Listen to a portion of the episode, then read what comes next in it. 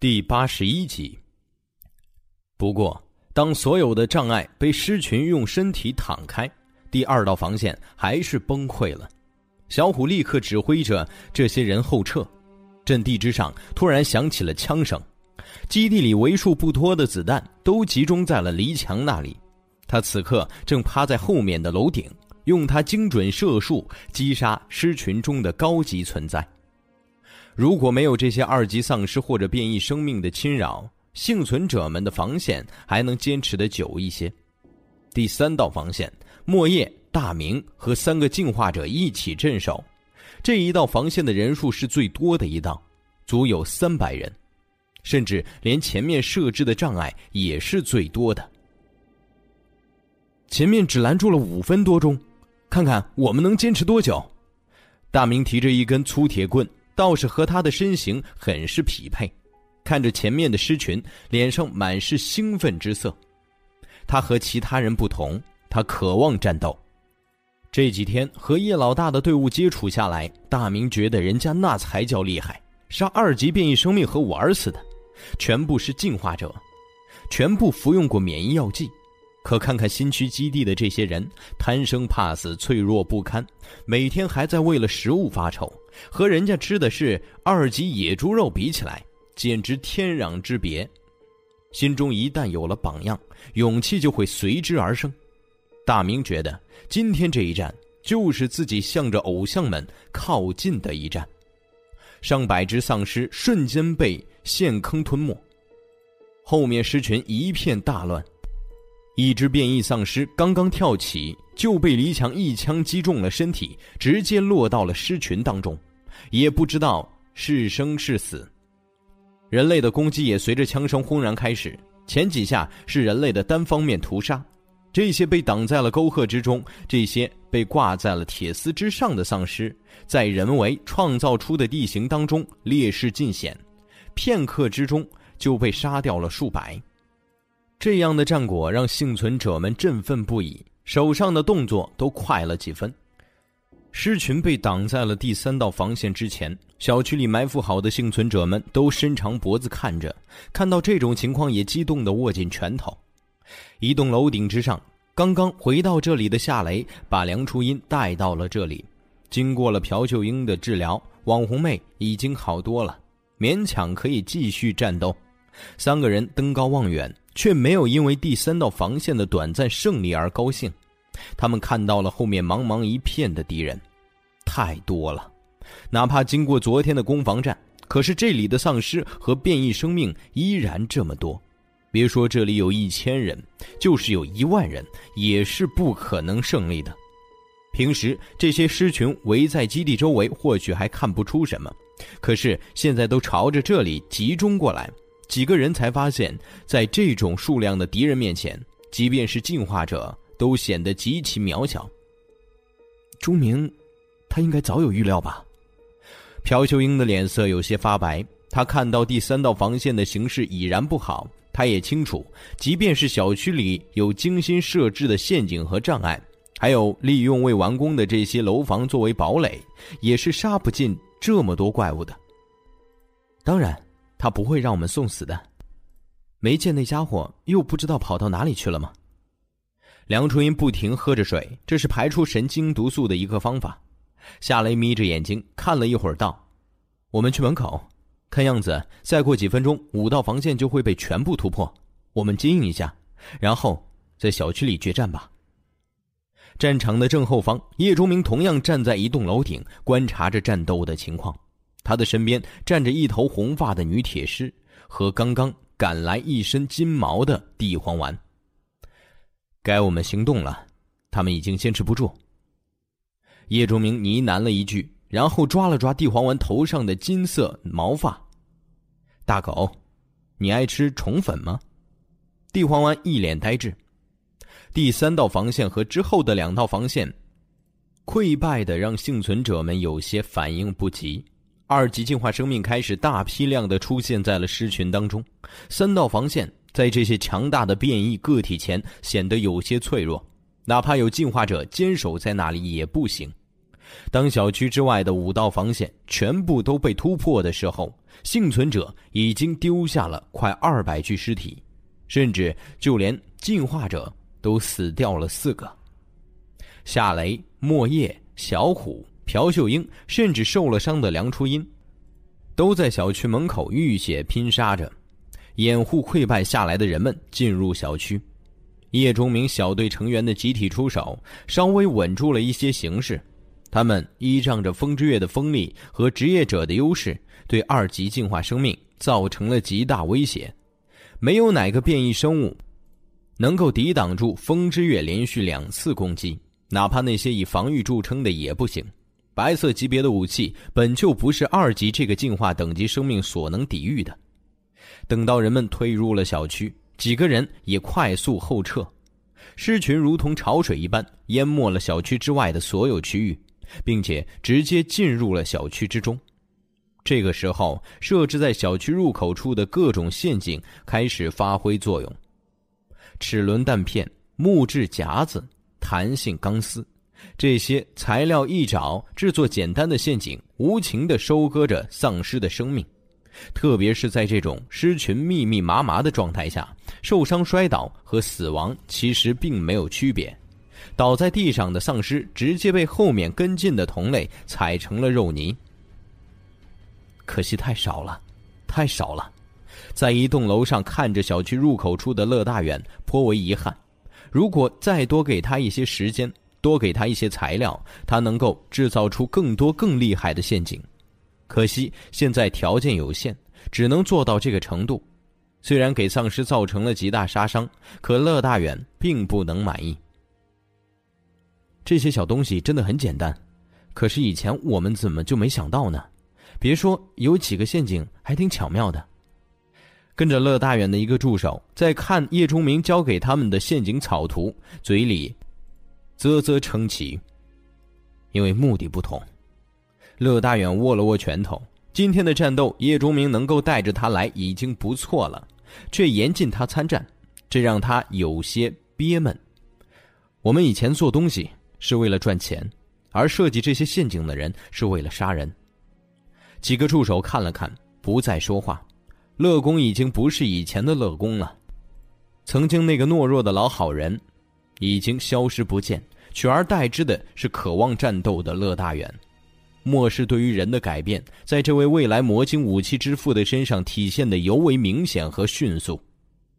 走吧，到了我们离开的时候了。乐大远带着几个助手和黎强的一些枪手手下，迅速离开了小区，返回基地。也就在乐大远离开的时候，小区里的战斗打响了。相比于外面空地上的阻碍战，小区里的战斗更加立体，人类所能使用的战斗方法也更加多样。这些没有完工的楼房成了人类战斗最好的载体。狮群进入小区之后，就呈现了分流的情况。因为一根根的木桩、石头、废弃汽车、沙土袋等等组成了一个几十个入口的迷宫，狮群没法推开这些坚固的障碍，只能被动的分流。而这些障碍之间埋伏着几百人，这个时候带着尖锐矛头的长钢筋成了最好的武器。幸存者们只需要从身前的空隙中把手里的武器插入已经被挤得缓慢无比、近乎停滞的丧尸眼窝里，这些平时噩梦一样的存在就会在爆出了一股黑血之后死去。这种杀丧尸和玩耍似的情况，让幸存者们的情绪空前高涨起来。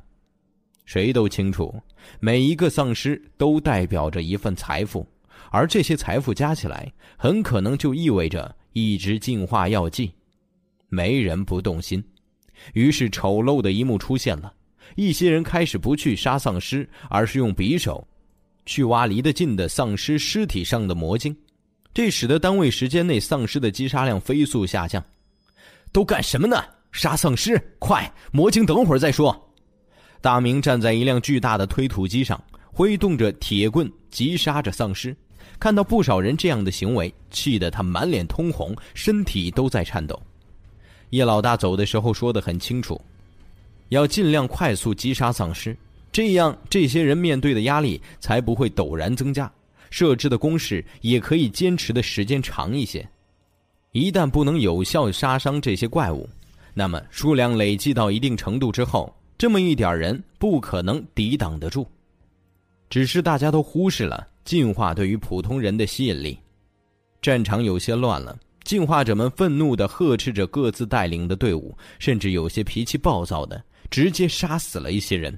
在这种高压之下，幸存者们才再次开始战斗。不过，短短时间内，大量狮群冲入了小区，更加强大的变异生命也参与到了战斗当中。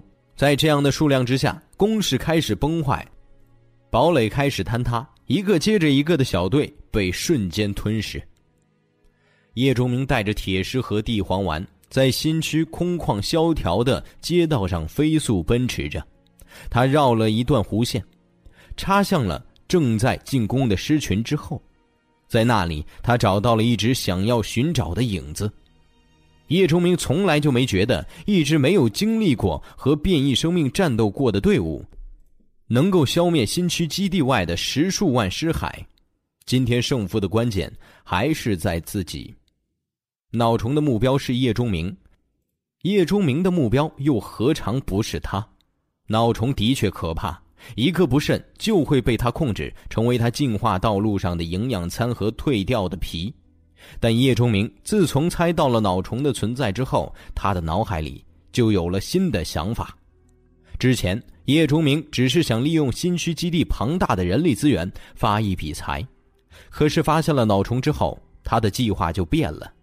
他的终极目标不再是海量的魔晶，而是脑虫本身。现在。或许整个世界没有人知道脑虫的存在，更没人知道这种恐怖的生物在令人畏惧的同时，也有让人垂涎欲滴的地方。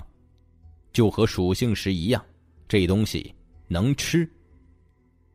微风吹过，吹起了一些纸屑和落叶，在半空中慢慢的飞卷着，飘落在了一辆打开车门的废弃豪车上。驾驶室里是一具尸骨。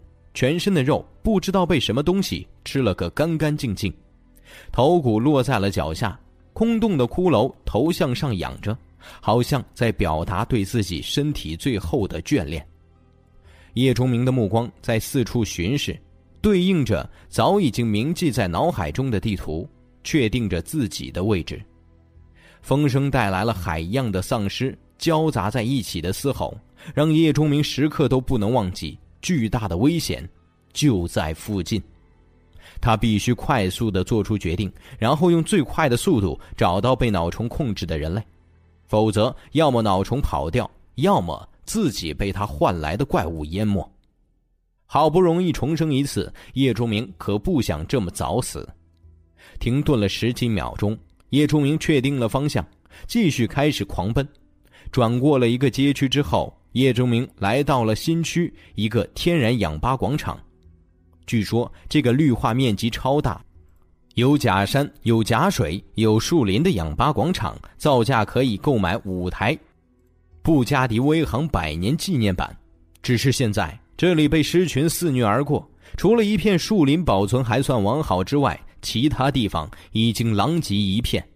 之前叶忠明看到脑虫就出现在这里，可是现在。这里却一片空旷，叶钟明的目光不由得落在了那一片树林之内。地黄丸半仰着头在空中嗅了嗅，大头也对准了树林的方向，大嘴滋了起来，发出了低沉的嘶吼。抽出风之月，叶钟明带着地黄丸戒备着进入了树林。天上的太阳正在向着西面继续倾斜着，阳光映入了林子当中。在树叶的阻挡下，变得有了形状，或是一条线，或是块状的光斑，随着树叶的舞动而微微变换着。就和末世里所有树林一样，这里也充斥着诡异的寂静和阴森。从踏入树林开始，叶钟明心中的警觉大起，并且随着深入而越来越严重。这种末世十年养成的类似于第六感的东西，让叶钟明知道。这里充满了危险，脑虫一定是提前知道了自己的到来，从而隐藏或者埋伏在了树林之中。帝皇丸背部中央的一条金色毛发渐渐竖起，一双眼睛盯着一个方向，血盆大口半张着，露出里面锋利的刀齿。和他的主人一样，他也感到了危险。叶钟明大踏步走了过去。既然今天注定要拼个你死我活，那就痛快来战。片刻之后，叶钟明的大步走就变成了冲锋一样的狂奔。帝皇丸冲在主人的身边，朝着前面发出了震天的狂吠，整个树林都因此动了起来。转过一片茂密的蔓藤，叶钟明看见了不远处披着一身黑衣的人类，没有血色的惨白脸庞，漆黑如墨的恐怖双眼，竹节一样不断蠕动的怪手，让这个人类看上去就如同地狱中的厉鬼。是你。虽然这张脸变得不再像人类，可叶钟明还是认出了叶团长。只是在叶团长身上扫了一圈，叶钟明的注意力就落在了他旁边的丧尸身上。黑色魔镜，三级。叶钟明深吸了一口气，虽然他知道早晚会遇到强大的变异生命，可没想到竟然这么快。叶钟明更没想到。这只脑虫已经可以控制三级变异生命了，怪不得他发现了自己的到来却没有离开，而是等在这里。原来有这只白手丧尸做依仗，美，美味。叶团长张开嘴，发出艰涩的话语，嘴里已经看不到人类的牙齿，只有一团黑色的雾气。美的你。叶钟明冷冷一笑之后，就发动了攻击，没有任何客气，印风焰刀直接切了过去。叶钟明的起手非常突然，突然到甚至连身边的地黄丸都没有想到，主人上来就是压箱底的绝招，一片带火光的刀芒在空中一闪，就到了白手丧尸的头上。叶钟明从来都觉得战斗就应该是这样，而不是缓慢试探和磨磨唧唧。都是要杀死对方，少说两句还能省点力气。这个白手丧尸也没料到叶钟明的攻击突然就到来。他从末世开始飞速进化到现在，一直都是无敌的状态，还没有哪个人类敢于如此攻击自己。身后那些十多条触手瞬间挡在了身体之前，形成了含苞待放的菊花状。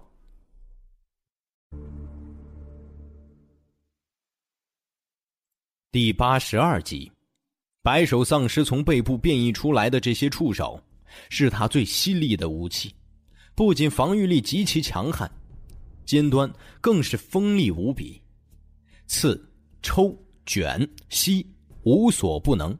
当进化到高级的时候，这些触手会越来越多，达到甚至超过百条。那个时候，这些触手就如同一个个高级别的武器。让白手丧尸无可匹敌，战斗起来让对手无法抵御。遇到同级别的进化者，白手丧尸几乎都可以用一种碾压的姿态杀死他们。可惜今天遇到的是叶钟明，燕刀的犀利在掺入了鬼金的风之月下，斩在了这些结合紧密的触手之上，火光瞬间淹没了白手丧尸。用完这一刀，叶钟明微微有些喘息。不过看到不远处的白手丧尸之后，他的眼睛眯了起来。没死。虽然白手丧尸很狼狈，十几条触手被切断了一半，身上也被火焰灼烧的没有一片完好的皮肤，可是他没死。这是第一次，光辉印刀师的职业技能命中敌人之后，没有直接秒杀。白手丧尸仰天发出一声悲鸣，剩下的触手在他的头顶剧烈的舞动着，就如同美杜莎的蛇发。三级丧尸终究是三级丧尸，就和湖畔广场那一战出现的尸源一样。这些已经迈入了黑色魔晶时代的生命们，有着让人啧舌的强悍生命力。叶钟明知道自己失去了最好击杀对方的机会。现在哪怕再次使用印风焰刀，也没有什么效果了。有了准备的三级白手，不会让自己再次这么轻易命中。不过，叶钟明轻吹了一声口哨，半举着手中的臂盾，和一个斯巴达勇士那样一往无前的冲向了白手丧尸。触手带着强烈的呼啸声抽在了臂盾之上，发出声声巨响。风之月从盾下递出，凶狠地刺向丧尸的喉咙。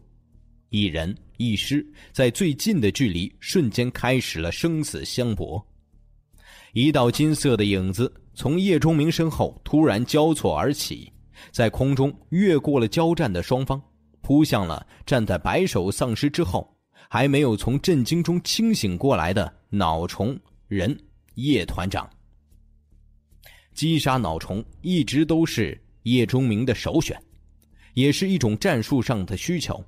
当脑虫没有离开，并且托大一样只留下一个三级白手丧尸保护他自己的时候，叶钟明在心中就制定好了战斗计划。白手丧尸的确非常强大，他的力量、速度、触手的灵活程度和攻击力都给叶钟明造成了巨大的麻烦，甚至光辉印刀师强大的职业技能都没能把他一击毙命。正常情况下，遇到这怪物，叶钟明都没有十分的必胜把握。可是今天，叶钟明至少知道，白手丧尸有一件事情是必须要做的，就是保护脑虫。果然，当地黄丸冲过去的时候，本来压着叶钟明打的白手丧尸，剩下的触手当中就有两条突然向后卷了过去，竟直接缠住了半空中地黄丸的腰部。对时机如此精准的把握，把金色的大狗吓了一跳。不过地黄丸怎么也是二级变异狗，还是吃了二级变异生命的血肉进化而来的变异狗，危机时刻丝毫不含糊。脖子上粗硬的毛发，嗖嗖嗖对着脑虫就射了过去。接着也不去看结果，身体在空中猛然一弯，大头扭过来，直接咬向了困住自己的触手。叶崇明的身体也跟随着自己宠物狗的这一击，向着一个方向侧了侧，看上去就如同有些承受不住白手丧尸这些触手攻击了一样。白手丧尸的身体也随着转了转，让两个敌人都留在视野之内，这是对敌时的本能反应。叶崇明也在这个时候对着白手丧尸的后背点了点，在树林当中。遍地都是初级凝幻术的材料，一棵大树瞬间变成了一个披着褐色外皮的树人，两只粗大的巨木手臂朝着白手丧尸的后脑就砸了过来，一下子白手丧尸就被三面夹攻，脑虫被地黄丸变异升级后的细针密线攻击躲闪不及，只能抬起手臂挡住自己的头脸。金色硬毛射在了手臂之上，直接穿透了过去，扎在了被脑虫控制了的叶团长脸上。如果不是危机之下，他向后仰了仰头，这几根金毛可能就会刺中他的眼睛，射入到脑袋里，直接给脑虫的本体造成伤害了。这让脑虫无比愤怒，他用奇形怪状的一双手挡在脸前，大嘴张开，一阵无声的波动从中发出。啪数人粗大的木头手臂撞在了白手丧尸后背，力量之大，让白手丧尸的触手们在空中猛烈的抽动了几下。困住地黄丸的那两条触手也僵直了，被大狗一口咬中，锋利的牙齿刺入了触手当中，摇拽之下划出了道道伤口。叶钟明的风之月也没闲着，右臂上撩，准确的。把两根受伤颇重的触手砍断，三面夹击，瞬间让已经受伤的白手丧尸付出了惨重代价，哀嚎一声，身体失去了重心，冲倒在了地上。叶仲明又岂会错过这个机会，提刀就要结束这个家伙的生命。可没等他有所动作，在一侧的树林当中，突然飞出了一块人头大小的石头，呼啸着砸向了叶钟明。速度之快，几乎眨眼就到了身边。突然袭击让叶钟明有些措手不及，飞速提起臂盾挡在了身前。一声巨响之后，叶钟明在左臂的麻木当中被打得连退了好几步才站稳脚跟。抬眼望去，石头飞出的地方，一个巨大的身影正缓缓走出来，三米左右的高度，给人以强烈的压迫感。一张熊脸上，遍布着粗大的疤痕。最让人感到诡异的是，在这个巨大影子的背上，还坐着一个矮小的身影。一只比他自己身体都要长的手臂臂弯里，夹着一颗和刚才袭击叶中明时大小相仿的石头。双生力魔，叶钟明瞳孔收缩了一下，认出了这种怪物。这是一种末世后很多人都不知道是如何进化而来的强大怪物，甚至人们都无法界定它属于丧尸还是变异动物，因为它是双生生命。下面是变异黑熊，被叫做大魔。大魔的颈背部连着一个矮小的人形丧尸，仿佛双腿插进了黑熊的体腔似的。这个家伙被称为小魔，怎么会形成如此怪异的东西？没人清楚，却并不妨碍人们知道双生力魔的可怕。这种怪物力气十分巨大，并且擅长投掷石块、汽车、巨木，没有它不能扔的。往往在远处就给敌人造成巨大的伤害，并且这东西也不惧怕近战。大魔的熊形态，生命拥有强大的近身搏斗能力。一双利爪甚至可以撕裂钢铁。虽然这一头双生力魔仅仅是二级，可是因为它的特殊性，实力已经非常接近三级变异生命了，并且它还有天赋技能，随时可能发动，让人防不胜防。在双生力魔的后面是黑漆漆的一片影子。叶仲明看了一眼，心中凛然，至少有十几头二级生命出现在了那里。显然是脑虫事先埋伏的，果然是有着智慧的东西，知道留一手。不过叶钟明的神情却没有出现丝毫变化，拖着发麻的胳膊，再次冲向了已经快要爬起的白手丧尸。双生力魔中的小魔再次扔来了石块，他绝不会允许自己的同伴出事。相比于上次石头袭击，这一次双生力魔距离叶钟明更近。石头倒的也更快，只是叶钟明有了防备，看见石头从小魔手上出来，手中臂盾就扔了出去。石头和臂盾在半空相撞，臂盾被打飞，石头也偏离了之前的轨迹，不能对叶钟明造成威胁。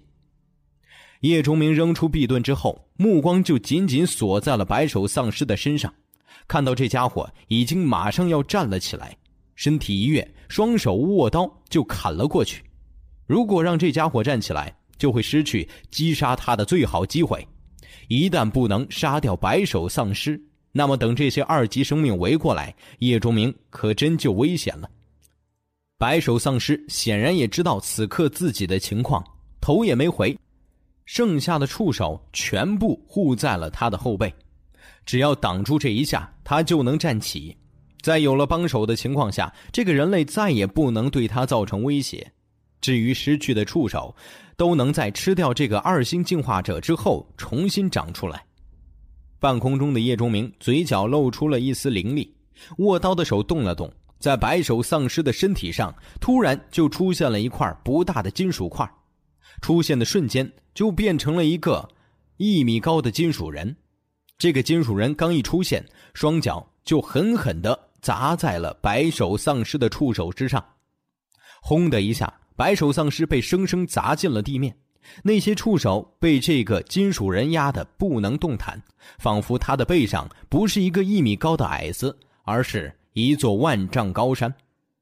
叶钟明的风之月带着摄人的刀芒，切进了不能动弹的白手丧尸脖子，切掉了他的头颅的同时，也宣布了他越级击杀了。这只三级变异生命，这一切的关键就在那块被扔出的金属之上。那是鹅，鹅是密度最大的单质金属，每立方分米的重量高达二十二点五九千克。当前几天乐大远在一家轴承厂偶然发现了一块体积在五十多立方分米的金属鹅后，叶忠明就把这东西藏在了空间水晶里。五十立方分米的金属额意味着这小小金属块的重量重达一吨，这几乎就是初级凝幻术最好的材料和载体。得到了这块金属鹅之后，叶崇明一直都没用。在今天击杀三级白手丧尸的时候，叶崇明抛出了这个杀手锏。哪怕三级的白手丧尸再强大，有一吨重的东西压在他的身上，他也不可能快速摆脱。这还不算被初级凝幻术激活之后的全方面加成。由于材料太好，叶钟明这一次花费了大量的精神力。这个鹅转化而成的金属人，耐久度高达三百，持续时间为五分钟。叶钟明因此获得了击杀白手丧尸的机会。这个机会不需要太久，几秒钟就够了。三级，这是现在树林当中进化等级最高的存在。白手丧尸的头颅滚出去老远，那些二级生命和脑虫，好像还有些没意识到发生什么。一道鬼魅的影子从一棵树后转过了出来，红色的长发随风而动。铁石悄然之间潜到了脑虫的后面。利用白手丧尸死亡的刹那，发起了猛然一击。脑虫自身并不强大，强大的只是他控制变异生命的能力。红发铁狮没有在叶钟明遇到危险的时候出现，也没有在那群二级生命攻击的时候出现，就是在等一个最好的机会。脑虫把一个三级变异生命放在了身边，又设下了圈套，在一边埋伏了一群二级生命。利用三级丧尸强悍的能力拖住攻击者，最后用二级变异生命来围死敌人。他以为万无一失，可是没想到这个的敌人竟然能够如此快速的杀掉了白手。红发铁狮锋利的手直接插进了叶团长的脖子里，之后死命一扭，一个头颅就被扭了下来。扔掉他！叶钟明看得一急，脑海里。虽然给红发铁狮下了命令，嘴里也不由自主的喊了出来：“脑虫这东西太烦人，几乎可以寄生在任何生物身上。虽然有一些载体它能够寄生的时间非常短暂，铁狮是叶钟明制作出来的人魁。说实话，他自己也不知道脑虫能不能在失去了控制的躯体之后寄生到他的身上。但叶钟明不愿意去冒险，万一真的可以寄生。”这个耗费了不少二级魔晶的人魁就浪费了。铁狮听话的把叶团长的头颅甩了出去，头颅在地上滚了很远，撞到了一棵树上才停。被扭断的脖子处，几十条白色的细细的触手从里面伸了出来。接着，一个白色的、带着一双小眼睛的光滑伞状头部跟着滑了出来，样子就像是白色缩小版的章鱼。只是这个有些迷你，甚至有些可爱的脑虫出来之后，那张几乎掩盖在了身体之下的嘴部，发出了一声无比凄惨的尖叫。这一声尖叫不再无声，而是无比刺耳。叶钟明甚至是地黄丸都感到脑部剧痛无比，眼前一片恍惚。那些变异生命也不好受，身体如同喝醉了一般，摇摇晃晃。好在这种尖叫只持续了几秒钟，声音消失了之后，这只脑虫灵敏无比的开始飞速逃跑，眨眼之间就跑出去了十几米，而那些二级变异生命却全部变得双眼猩红，怒吼着朝着叶钟明杀来。在脑虫的这一声之下，变异生命们全部陷入了狂化状态。同一时刻。废弃小区里的人类已经被压缩到了一栋大厦之中，人数更是只剩下三百多人，其他的都已经葬身尸口。虽然他们也杀死了许许多多的丧尸和变异生命，可依然抵御不住这些杀不尽的怪物。夏雷、莫叶、小虎等人已经杀得双手发软，浑身血污，他们已经坚持不了多久。如果这种情况没有改变，他们就要开始逃亡之路了，可隐约间，这些幸存者好像听到了什么声音。之后，这些前一秒还疯狂攻击他们的狮群和数量不少的高级变异生命都呆滞了片刻，然后集体转身，向着来时的路冲了回去，仿佛那里有什么东西在紧急召唤他们似的，以至于都忘了他们的身边就站着最美味的食物。这一下把人们弄得有些愣，喘着粗气，面面相觑，不知道发生了什么。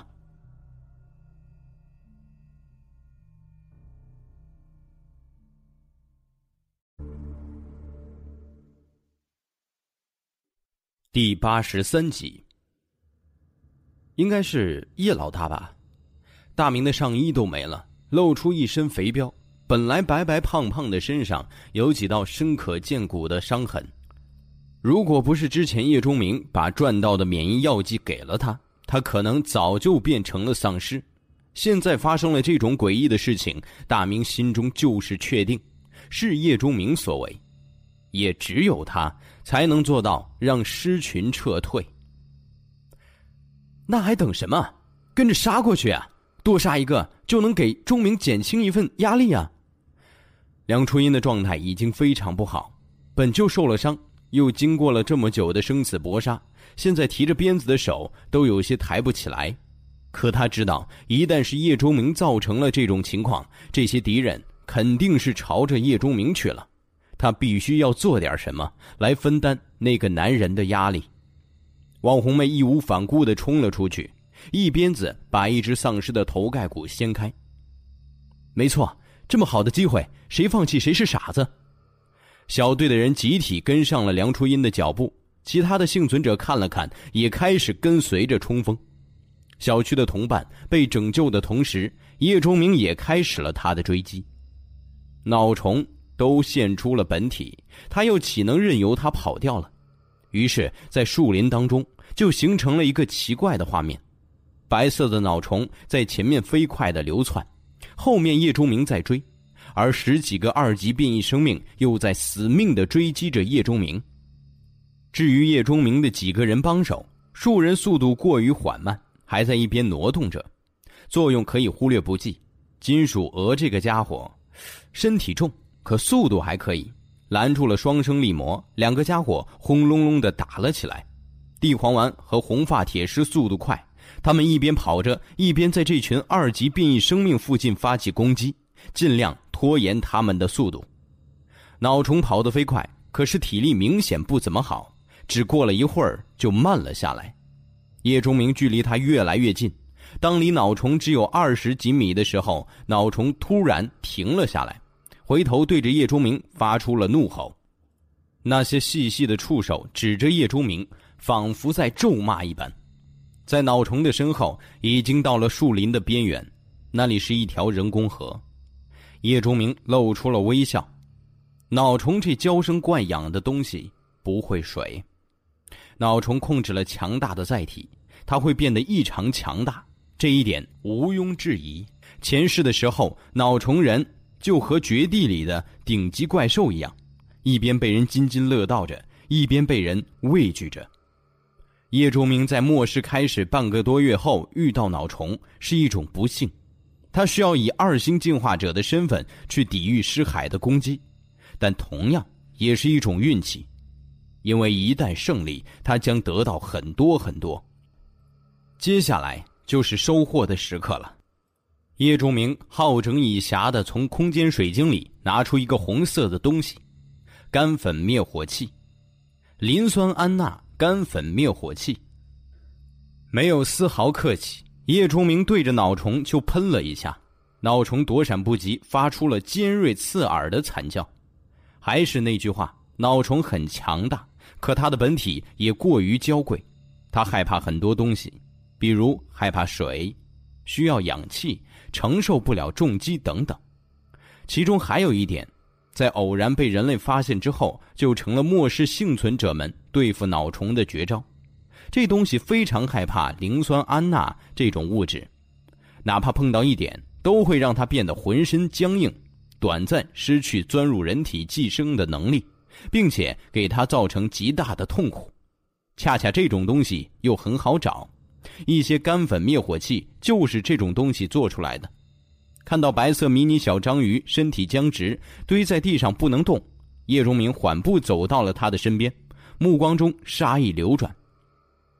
秋，秋，你，脑海中突然出现了这样的一道意念，就好像有人在耳边轻语一般。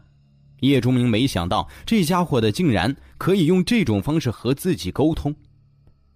把灭火器对准脑虫，防备着。叶忠明看了看已经到了附近来救脑虫的二级变异生命，突然道：“让他们不要动。”不，不可。脑虫的意念传输没完，就感觉冰冷的刀锋顶在了他光滑的小脑袋上。凶猛而来的一群二级生命突然放缓了速度，眼中出现了明显的挣扎。在一边拖延速度的红发铁狮和地黄丸性子本就凶猛，哪里会放过这样的机会？连续攻击之下，就杀掉了四个二级变异生命。互相之间的进化等级相差无几，一方放弃抵抗，就意味着被屠杀。不过，这也不知道是脑孔的控制力降低，还是在生命被严重威胁之后，这些变异生命挣脱了控制，他们突然发出了怒吼，开始反击。叶钟明的刀尖微微用了用力，脑虫立刻发出了尖叫。这些手下的动作又是一致，瞬间再次被杀掉了两个。这样的战斗是没有悬念的。在叶钟明把脑虫的身子上戳了好几个小洞之后，这些二级生命全部被地黄丸和铁狮杀死。叶钟明拿出事先准备好的金属盒，用灭火器在里面喷了一下之后。就把尖叫的脑虫扔了进去。另一边，地黄丸在大口大口的咀嚼着，这些同级别的生命依然可以给他提供不少能量。让叶钟明微微惊讶的是，红发铁狮，他竟然也在进食。和地黄丸不同，红发铁狮直接把地上尸体的魔晶挖了出来，扔到嘴里吞咽了下去。这难道是铁狮的进化方式？技能卷轴上只写了人魁的制作方法，叶钟明一直以为想要获得更高级别的人魁，只有重新制作。当铁狮的实力不够看的时候，就去制作铜狮；铜狮也不能满足需求了，就去寻找终极人魁术。他确实没想到铁狮会吃掉魔晶。当然，现在叶钟明也不能百分之百就确定铁狮通过这种方法就可以进化到更高的等级。但至少有了一条全新的路线。铁狮只吃了一块二级魔晶就停住了，不知道是不是暂时满足了他自己的需求。在脑虫被叶仲明关在了金属盒里的时候，向回而来的狮群就失去了控制。夏雷等人的运气是不错的，他们跟着狮群追杀了一阵，击杀了很多丧尸，可狮群太庞大。仅剩的这两三百人体力，在经过了高强度的战斗和追杀之后，已经到了极限。就连进化者们都气喘吁吁，浑身大汗，所以他们在某个时刻停止了追击，转而一边后退一边清理战场。当狮群没有了脑虫的控制而散开的时候，小队这些人已经离得有一段距离了。在敏锐发现了这种情况之后，清理战场更加隐蔽。只是今天实在是杀的太多了，一直到天黑的时候，才堪堪把魔晶都收集好。当然，一切都不会太平。这里散发出的血腥味道过于强烈，还是吸引了一些变异生命过来。小队进行了几场零星却激烈的战斗。除此之外，没有死透的丧尸也给队伍造成了一些伤亡。等到叶钟明把鹅捡回，赶来会合。并打扫完战场，回到新区基地的时候，出来的一千人只剩下了二百多，十几个新晋进化者也死了大半。短短的两天之内，基地的死亡人数让人看得心惊胆战。有付出，自然就有收获。众人简单收拾了一下之后，重新集结在房间中。负责汇总的朴秀英老师小嘴儿已经乐得闭不上了。猜猜我们一共获得了多少一级魔晶？刚刚体验了一把数钱数到手抽筋的大学老师拍着满满一大箱子魔晶道：“怎么也有超过五千吧？”小虎看着这一大箱魔晶，吧嗒吧嗒嘴说：“朴秀英直接用白眼回答了他。今天带出去的人经验不足，勇气也不足，后来还陷入了混乱。平均下来，我想十个丧尸都没杀到。不过算上之前陷阱之类的杀伤量，我想。”过万魔晶应该还是有的。由于水资源紧张，大家最多只能擦拭一下身体，换换衣服。夏雷刚才找到了几包湿巾，和众女分享着，一边擦手一边思量着猜测。朴秀英对这位女武警竖起了大拇指，白皙的双手插到了魔晶堆里，眼中的光芒和巨龙看到金币一样，捧着这些魔晶道：“一万五千多枚啊，这能换来多少净化药剂啊？现在魔晶就是钱，没有魔晶换不来的东西。”在基地停留的这几天，已经让小队的人深深感觉到了这一点。现在，一下子手握这么一笔巨大的财富，每个人都有些心潮澎湃。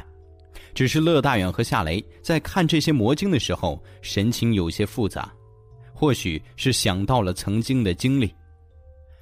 二级魔晶我就不知道了，都在钟明那。朴秀英摊摊手，做出一副无辜的样子。惹得大家轻笑了几声，叶钟明也笑了笑。他手里现在的二级魔晶已经超过了百枚，但这些并不是此行最大的收获。留下一万枚，其他的去转轮盘吧。叶钟明挥了挥手，小虎、大明、黎强等人立刻带着一大包魔晶转轮盘去了。屋子里只留下夏雷、莫叶、乐大远、朴秀英和佳民。至于梁初音，因为伤势有些重，已经去了旁边的屋子休息。地黄丸和铁狮在保护他。如果运气还算可以，这些魔晶大概可以得到一百支左右的净化药剂。佳民，你留下五十支，如何分配你说了算。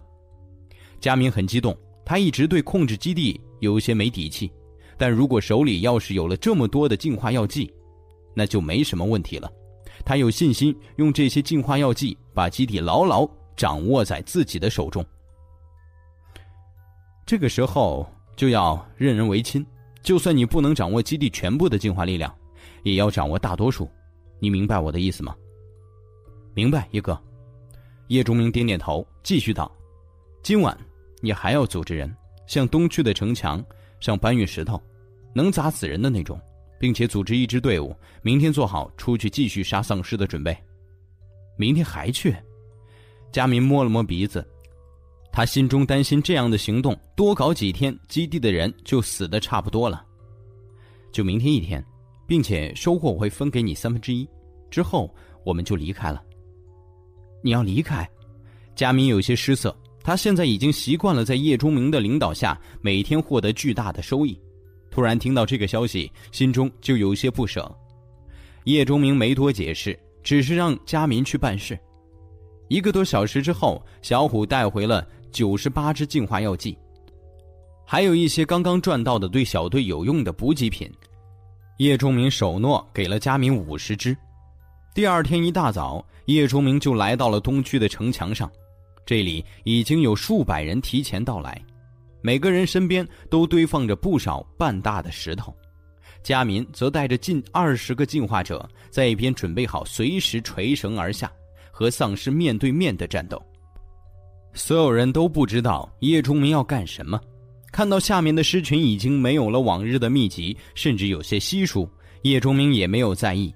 他掏出装着脑虫的盒子，直接对着这家伙道：“我知道你能听明白我的话，让他们。”都集中到下面来。你放过我。脑虫看上去已经有些虚弱了，纯白色的身体已经多了些淡淡的青色，整个身体都萎靡在铁盒之中。叶崇明点点头，脑虫睁着小眼睛，奋起余力，对着城墙下的尸群发出了无声的精神波动。片刻之后，这些丧尸开始向这一段城墙下集中过来，数量至少有六七千的样子。不过在这里已经看不到变异动物或者二级丧尸了。显然，如今没有了寄生体的脑虫已经无法控制高级的变异生命了。这是一场一边倒的战斗，甚至连危险都谈不上。这些丧尸就是待宰的羔羊。被城墙上的幸存者砸死了大部分之后。佳民带着手下完成了最后的屠杀，至此，东区这一侧的丧尸已经被清理干净，新区基地获得了一个相对来说还算安全的地面出入口。我办到了，你放了我。脑虫传递给叶钟明的意念颇为着急，因为他并不能用本体的方式生活太久。你还有一件事没有做，叶钟明冷冷的看着脑虫，手里的一把匕首直接插入了脑虫的身体里。听说你是鸡肉味的。佳民提着装有两千魔晶的袋子，看着步兵车带起的尘土渐渐消失，心中有些怅然若失。那个让他成为了进化者，让他拥有了一个基地的人离开了，带着他的小队消失在了这座城市里。别看了，黎强那边怎么样？大明站在好友身边，拍了拍他的肩膀。他想和叶哥走，可好像被叶哥拒绝了，让他和咱们一起把这个基地搞好。叶哥是怕咱们实力弱，李老大有一手好枪法，对我们帮助很大。毕竟我们马上就要着手解决食物问题了。只是我不明白，叶哥他们为什么要走呢？有他们在这里，用不了多久，我们可能就会有成千上万个进化者。那个时候，周围这片区域甚至这座城市都是我们的。大明也摇头表示不懂。别想太多，或许以后我们还能见到叶哥也说不定呢。两个人站在城墙上。他们的下面，很多人在加固着刚刚修好的城门。佳明收回了目光，手里紧紧攥着叶钟明离开时暗地塞给他的字条。步兵车的轰鸣吸引了不少道路两边丧尸的注意，他们伸着干枯的手，想要获得哪怕一点点血肉。可是，钢铁怪兽又岂是血肉之躯能阻挡的？这些丧尸被撞得四分五裂，真正结束了。在这个世界上的旅程，老大，这家伙也太费油了。小虎哭丧着脸，表示按照这个样子，估计用不了几个小时，这车就会变成一块废铁了。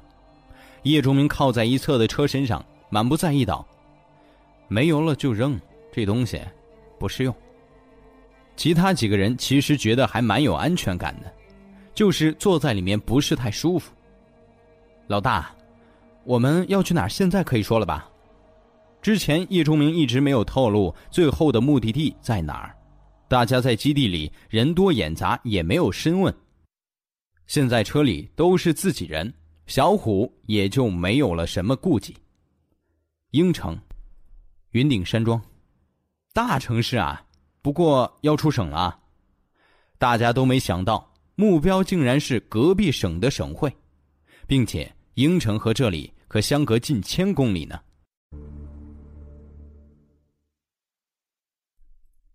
第八十四集。为什么去那儿呢？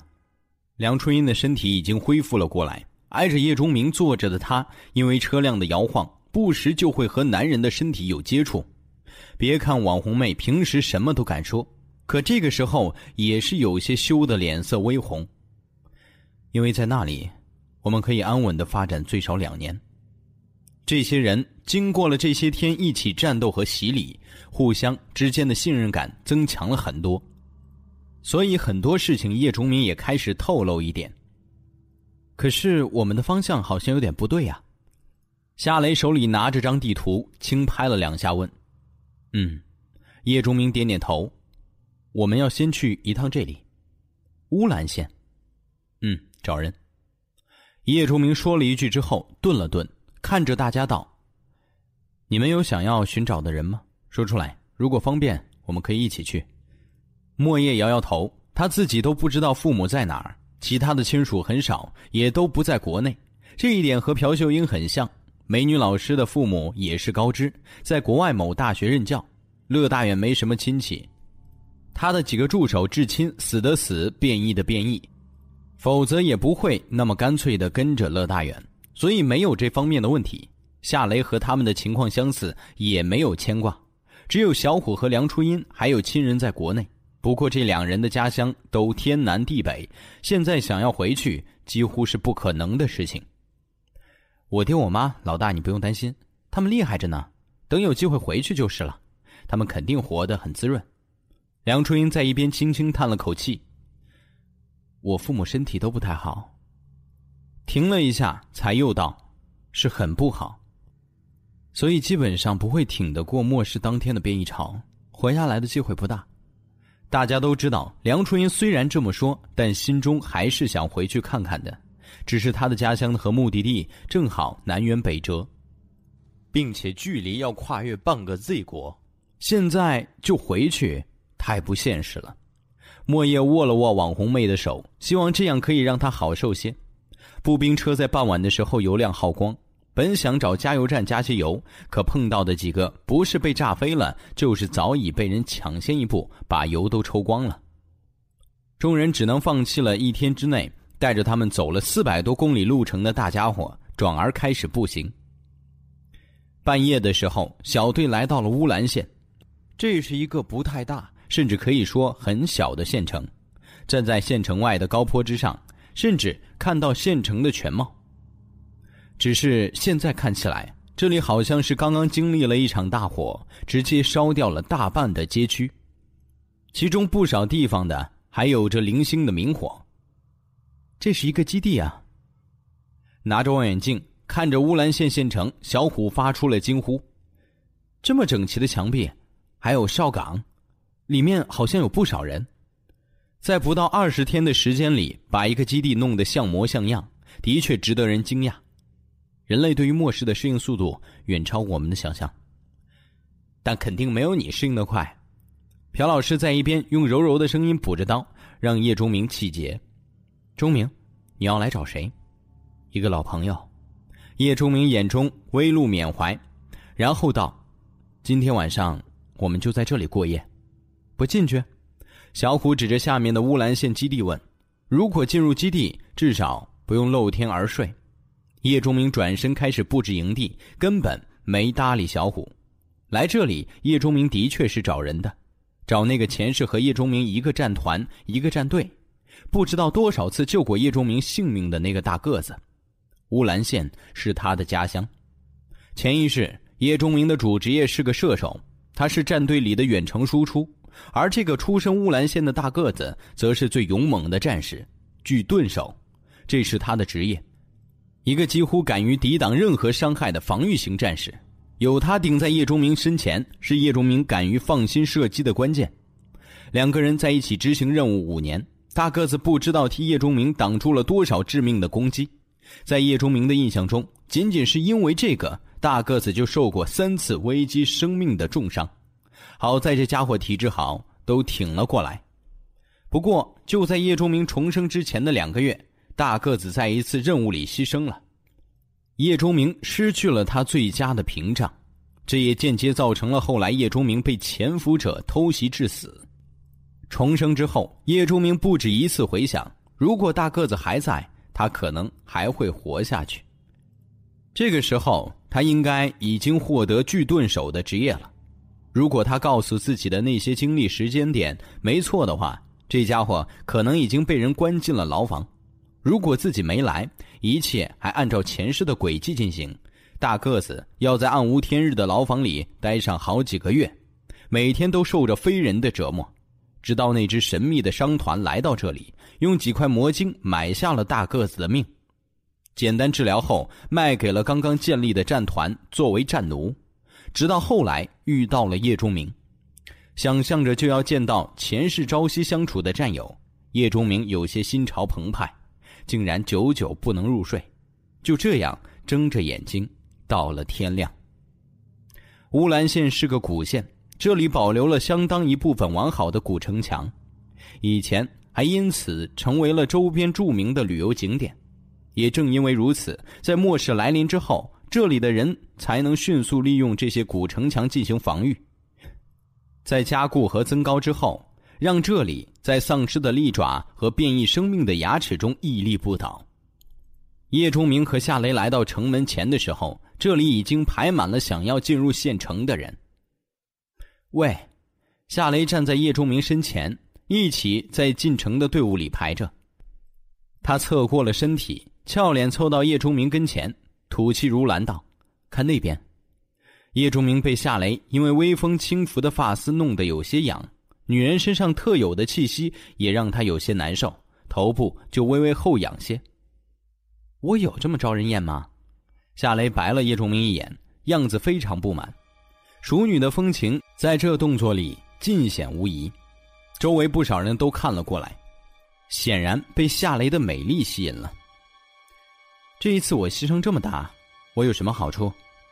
夏雷看到还有不少人才轮到自己进城，所以干脆转了过来，直面叶钟明。我是你的队员，我可以为你去战斗，死了我也不怨谁，可不包括牺牲色相。叶钟明一脑门子黑线。我就是让你做个饵，引的目标出现就行了，又不会真的要你如何，只是为了省些麻烦而已。什么叫牺牲色相？那也是牺牲色相。夏雷有些赖皮，你就说给不给好处吧。叶仲明直接转身欲走，被夏雷一把拉住。你看看你还大男人呢，一点都不知道让着女人。末世里，女人比男人可怕多了。叶仲明根本不吃这一套，弄得夏雷有些气馁。小气，夏雷哼了一声，才道：“我要求不过分。我知道比不了和你女仆似的网红妹，估计也比不了你当成宝贝保护起来的乐大远。但除了他们之外，我要成为第三个得到二星进化药剂的人。我要是不答应呢？那我回去就告诉大家，你单独带我来的目的，就是想占我便宜。你妹！这当然是两个人之间的玩笑之话，调戏。”这在末世算威胁吗？夏雷性格开朗，胆子也大，经常和性格豪爽的武警们在一起，说话办事都很大方，平时也会开一些荤素不忌的玩笑。现在他只是在用这种方式来和叶忠明提些小要求，这个要求确实不能算是过分。叶忠明心中很清楚，如果放下其他全部的因素，单单用个人实力来决定谁最有资格拥有二星进化资格的话。那么，小队成员中首选肯定是莫叶和夏雷。如果一定要在两个女人之间选出一个更胜一筹的，那么叶钟明会选择夏雷。虽然两女在离开的那座城市里都是最优秀的武警，两个人共同保持了很多记录，但夏雷还是要比莫叶多一点，并且夏雷在刀术上受过大师的指点，在同样使用风之月的前提下。夏雷要强上一些。现在他提出在梁初音和乐大远之后获得进化机会，也算合情合理，并且叶钟明也知道他在新区基地里的遭遇，知道这个女人因为丈夫背叛这件事情对进化的渴望要高于别人，也理解她的心情。合理的要求加上合理的理由，还有利用女人优势的沟通方式，叶钟明倒也没觉得反感。让开，让开！还没等两个人入城，后面就传来了摩托的轰鸣。众人回头，就看见五六台机车组成的小车队呼啸而至，每个人的腰上都捆着一个小袋子，里面鼓鼓囊囊的。机车队回来了，有人低声喊了一声，人群就呼啦一下闪开了进入县城的道路。这些人骑着机车直接开了进去。城门口那二十多个守卫不敢阻拦丝毫。看见他们腰部了吗？里面都是魔晶，那么多，那你以为那边烧了两天？昨天下午火势一小，他们就出城了。一晚上估计已经清理好了现场。你说能减多少？那，那岂不是发了？怎么也得有一两千吧？估计得三千魔晶。别忘了，当时那边可不只是有丧尸啊。还有不少活人呢，被大火困在里面出不来，估计都被丧尸咬到变异了。混蛋，这帮畜生！世界变了，人家是进化者，没办法呀。明知道这帮人不怎么样，可我们不还是想进城吗？想要安全些，就受着吧。周围的人都沉默了，他们都是附近逃难过来的，在路上见过了太多的危险和死亡。对于有一块可以安身的地方无比渴望，哪怕这个地方并不是那么好。叶钟明的嘴角露出了一丝冷笑。如果自己没有重生，这个地方会和新区基地一样发展成为一个战团，在周围的几座城市之中实力位于中游。团长黄喜杰是一位五星强者，之后就被另一个战团所灭，骨干全部被杀死。是前世的叶钟明亲手毁掉了这里。确切的说，是因为大个子和这个战团有仇，曾经在这里受过惨无人道的折磨，当大个子用自己的命换来了进化的机会，当他的身边有了一帮生死战友，当他们对所在战团有了足够的影响力，埋藏在心底的仇恨就有了发泄的渠道。大个子带着人血洗了乌兰战团，叶钟明亲身参与。现在这些骑着机车不可一世的进化者们，说不定就有在前世被叶钟明亲手干掉的。机车手过后，人群又开始向着前面缓缓移动。想要进入乌兰县得到庇护，那是需要付费的。至于费用是什么，完全是那些守卫说了算。不过大多都是食物或者水、武器、弹药这些更好。自然，如果你有魔晶，那么肯定会畅通无阻。夏雷和叶钟明就用了两块一级魔晶，获得了进城的资格。只是两个人和其他人有些不同，他们穿的虽然谈不上光鲜，但都干干净净，没有长时间饥饿造成的无力感和落魄感，在人群有些扎眼。通过城门处的检查时，那些混乱穿着不同制服的守卫看向夏雷的目光就不怎么干净。这么一个白嫩清爽的美少妇，现在可不多见。两个人进了县城后分开，夏雷独自一个人去游逛。叶钟明则迅速消失在了街头。喂，看到了吗？城门处一正一负两个队长色眯眯的看着夏雷诱人的背影，凑到了一起低语：“嗯，真是极品。”郑队长点点头，摸着下巴道：“你想怎么样？给皇少报个信儿？嘿嘿，我也这么想。皇少满意了，或许一高兴就给我们两个净化药剂，也说不定呢。”两个队长立刻把手上的活交给了其他人，急匆匆的找人去了。乌兰县城就和新区基地一样，缺衣少食的人们自发形成了露天市场。这些市场或许现在用来交易的还是食物、用品、药物等这些东西，慢慢的就会发展成为以后每个幸存者都喜欢的交易所。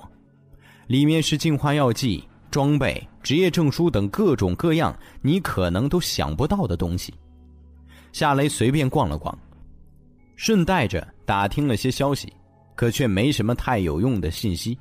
这个基地的首领非常狡猾，除了他的心腹之外，没人知道乌兰县城有多少进化者，有什么武器装备，甚至首领平时住在哪里都不知道。在市场一无所获，夏雷离开。就发现有人跟着自己，对于出身科班的他来说，这些人的跟踪技巧太烂了。故意走到了一个偏僻的地方，夏雷靠在了墙上，后面的四个人立刻围了过来。为首的是一个看起来年纪不大、染了一头黄发的年轻人，一双眼睛很是邪魅，看着夏雷都发着光。这个人是以后组建了乌兰战团和大个子有仇的那个人唯一的儿子。是个不折不扣的色鬼，年纪很轻却极度嗜好成熟的女性，在他父亲控制范围内的美少妇几乎都难逃他的魔掌。你们的速度可真慢，夏雷一点都没有身为受害者的觉悟，笑颜如花的看着这帮人。年轻人一怔，心说这妞和别人不一样啊，现在不应该是他惊慌不已、摇着头说不要不要的时候吗？我把他们引出来了，你还不出来？随着夏雷娇声高喝，叶钟明的身体出现在了这几个人的身后。前世，叶钟明并没有从大个子嘴里得到牢房的位置，想要在一个县城里找到牢房，靠几个人显然是不行的。当然，叶钟明可以直接带着人打进来控制这里，逼问这里的首领大个子的下落。不过这样做肯定会造成极大的混乱。给大个子带去未知的危险，更何况他知道大个子需要的是亲自报仇，而不是自己替他什么都做了。几个人互相看了看，一起哈哈笑了。他们是这个世界上最强大的人，是进化者。就算这两个人也都是进化者，又如何？能打得过他们这么多人？夏雷摇头叹息：这帮井底之蛙，真的以为一星进化就无敌于天下了？叶钟明没等他们笑声停止，就鬼魅的出现在了他们身边，一拳砸在最近的一个人身上。这个三十岁左右的壮汉直接被打飞，撞到了墙上之后还想挣扎站起，可是嘴里却开始不停的冒血。他不可置信的看着心脏部位巨大的塌陷，睁着眼睛，断了气。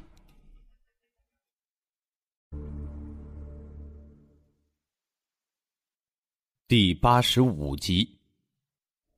如此干脆和决绝的出手杀人，把其他人都吓坏了。这个同伴虽然不是最强的人，但也绝不是什么弱者。大家同为进化者，彼此实力相差无几，可是，在这个年轻人面前，竟然被秒杀。你是二星进化者？一个可怕的猜测猛然涌上了黄少的脑海，他失声喊了出来。这一句让本想冲过去和叶钟明拼命的两个手下立刻停住了，惊恐中就向后退。可叶钟明又怎么会给他们机会？前踏一步，插入两个之间，双臂就如同做广播体操的扩胸运动一样，手肘准确撞在了两个人的颈部。这两个倒霉的家伙头部直接叠在了外侧的肩膀上，身体跟着栽倒，失去了生命。黄少的裤子瞬间湿了。杀过人，并不代表就不怕死。有的时候正相反，因为了解什么是死亡，所以才更加畏惧。这位养尊处优，叶钟明还有些模糊印象。前世应该是被大个子一盾牌砸死的黄少，直接跪在了地上，眼泪鼻子一起流淌下来，吓得话都不会说了。告诉我，你们把盛元关在哪里？盛元，黄少的思维有些回来。他眼珠动了动，张张嘴，却没什么都说。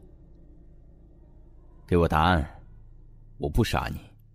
叶钟明俯视着跪在地上的黄少，冷冷说道：“在，在县南粮库的地下室。”葛护士，来啦！两个蹲在角落里抽烟的守卫看到进来的人，点头打着招呼：“是啊，不能让他死了。”老大还没玩够。葛护士一张长脸，上面抹着厚厚的粉底，身材倒是火爆，一身护士装穿着，颇有些制服诱惑的味道。向牢房里看了看后，葛护士打开两道粗大铁锁，拿着两袋营养液走了进去。盛元也是想不开，不就是因为一个女人吗？犯得着把老大的情人给杀了吗？门外的守卫轻声和同伴说了句：“可不是，以前可是老大手下第一战将啊，还是职业者呢。现在可好，每天被弄得人不人鬼不鬼。”两个人还想说什么，就听见有脚步声从楼梯上传来。叶钟明和夏雷闲庭信步似的走了下来。这里是粮库的地下室，很隐秘，只有黄喜杰的一些心腹知道。并且盛元被关在这里这件事情也没有流传很广，算上黄喜杰父子，只有三四个人知道细情。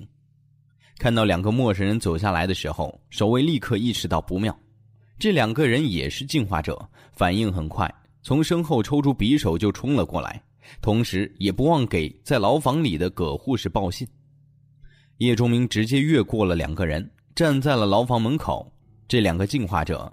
留给了手握风之月的夏雷。谁敢在这里捣乱？葛护士在乌兰县城跋扈惯了，哪怕听到外面的市井，也没有当回事他放下盛元已经快要被打烂的手臂，皱着眉头就要走出去骂人。一开门，葛护士就看见了一个年轻人正站在门口，用一种看死人的目光看着他。这个人的身后。此时正爆出一片鲜血，还有一颗刚才还和他打招呼之人带着惊恐表情的人头在飞。葛护士张口要尖叫，一只手直接握住了他的脖子，把这尖叫生生掐了回去。叶钟明的视线越过女人，落在了肮脏地上躺着的一个血肉模糊之人的身上，即便是被满是肮脏血污的头发挡着。叶钟明还是认出了这张曾经熟悉的大脸，盛元，大个子，曾经的兄弟。虽然早就知道盛元会遭到这样的折磨，可是看到前世兄弟的惨状，叶仲明心中还是升起了压抑不住的戾气。手一紧，这个一星进化的女人就如同小鸡一样，被叶钟明捏碎了喉咙。此时的叶钟明，哪怕面对同级别的对手，都能完全压制。这样没有丝毫战斗经验的一星进化者，在他面前几乎没有一点反抗之力。听到响动的圣元费力的睁开眼睛，恍惚间看到了一个男人走到了他的面前，蹲下身体，把他抱在了怀中。大个子，不好意思，来晚了些。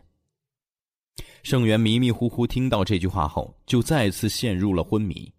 叶钟明抱着盛元出了牢房，夏雷正站在门外擦着风之月上的血迹，两个守卫横尸在地，地下室中满是血腥之气。这就是你要找的人。夏雷看了一眼这个身高差不多有两米的壮汉，心说：长得可真丑。是啊。一个可以为我们挡住任何伤害的家伙。黄少站在台阶上，看着地下室的三具尸体，身体微微发抖。血泊之中站着一个中年人，背着手，低着头，让人看不清他的表情。他就是黄喜杰，一个乌兰县城的建筑商，现在乌兰基地的领导人。喜杰，一定是盛元那些狐朋狗友来救。啪一个女人正用一种嗲嗲的声音说着话，没等说完，却被黄喜杰一记响亮的耳光打断。进化者的力量直接让这个女人飞了出去，如果不是她同样是进化者，一下子就可能打碎她的半张脸。还不是你惹出来的祸！黄喜杰抬起了头，露出盛怒之下的面容，紫黑的脸膛上肌肉都在抽动。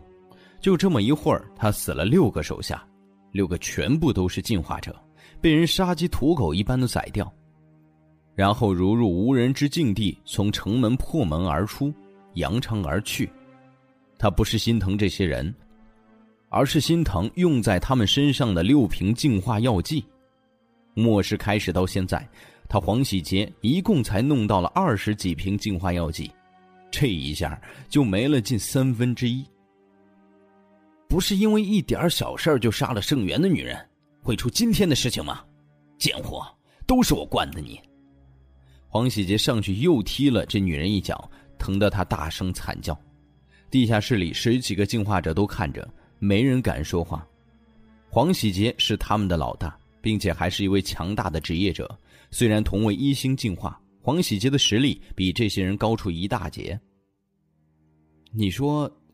是一男一女两个人，其中男的是二星进化者，而女的没出手。黄喜杰阴郁的目光看着自己的儿子，沉声问道：“是，黄先生。”一个蹲在葛护士身边的男人站了起来。根据脖子上的痕迹，掐死他的应该是男人的手，干净利落。即便不是二星进化者，也是一个以力量为主的职业者。根据室温还有血液的凝固程度。外面两个被利器所杀的人死亡时间应该和葛护士相差无几。你是说，黄喜杰的瞳孔都在收缩。这个男人点点头。两个人都出手了，并且，他看了一眼黄少，才继续道，并且两个人的实力应该相差无几，对普通一星进化者有着碾压一样的实力。谢谢你了，穆医生。黄喜杰对这个男人很客气。不用，这个男人笑了笑，继续道：“那我先走了，黄先生，不要忘了我们说好的事情。”说完，这个男人提起一个银色的医疗箱，旁若无人的离开了。黄喜杰想要挽留，可是表情动了动，却什么都没说。爸，黄少走过来，不敢去看地上的尸体。你怎么不留下他呢？有他在，万一万一有什么事情，我们也好有个帮手啊。黄喜杰瞪了自己儿子一眼，嘴里发出了命令：“县城戒严，全员保持最高警惕，随时准备战斗。”说完，看着男医生离开的方向，心中微叹：“留下他，我们付不起价钱呐。”盛元醒来的时候，发现躺在一个帐篷当中。他警惕的坐起，竟然发现身上的伤好了大半。他很清楚自己的伤势，哪怕是以进化者的体质，没有十天半个月也是好不起来的。难道自己昏迷了这么久？醒了，盛元被吓了一跳，他压根儿就没发现有人在他的身后。转过头，他看见了那个在昏迷之前看到的年轻人。是你救了我。叶中明点点头。为什么？看着大个子熟悉却年轻了一些的脸，叶中明缓缓道：“我要去一个危险的地方，需要一个人来替我承受伤害。”盛元眼中的戒备少了一些，这样才正常。末世虽然开始还不到一个月。但是残酷却已经深入到了幸存者的骨子里，没有无缘无故的爱，只有越来越赤裸的利益。虽然盛元是前世叶钟明的兄弟，可是，在这一世，两个人还是陌生人。叶钟明也不能肯定这个盛元是否还是前世的大个子，是否还是那个愿意给自己扛伤害的人形盾牌，所以他要观察，以确定用一种什么态度来对待他。既然这样，那么用互相的利益交换开始，不失为最好的办法。为什么找我？因为你的职业。我会死吗？没有我，你肯定会死。大个子沉默了良久，道：“成交。”叶钟明笑了，指了指另一边：“附送一样东西给你，巨盾手。又怎么可以没有一块好盾牌？”行进在乌兰山上的森林之中，圣元还在爱不释手的抚摸着手中的巨型盾牌。这是一面和圣元差不多高、宽达一米五的银黑色弧形巨盾，上面有着古朴的花纹。圣元把巨盾提在手中，轻轻一挥，就撞断了一棵小树，把前进的道路清理了出来。简直不是人！梁初音在后面嘟囔了一句，决定不看这个。浑身蛮力、举着几百斤盾牌和玩一样的大猩猩，这是他给盛元起的外号。现在已经是盛元醒来的第三天了，他的伤势在朴秀英的治疗之下，一天就恢复了过来。小队立刻离开了乌兰县城的范围，进入了不远的乌兰山。而盛元手里拿着的盾牌是叶仲明专门为了他制作而成的，原材料来自于那辆被废弃的步兵车。当时很多人都不懂为什么叶钟明要切下一整块钢板带走，如今有了答案。用这块钢板为材料，叶钟明在里面掺入了金属鹅和鬼金进行了覆膜，于是那块钢板就变成了现在的巨盾。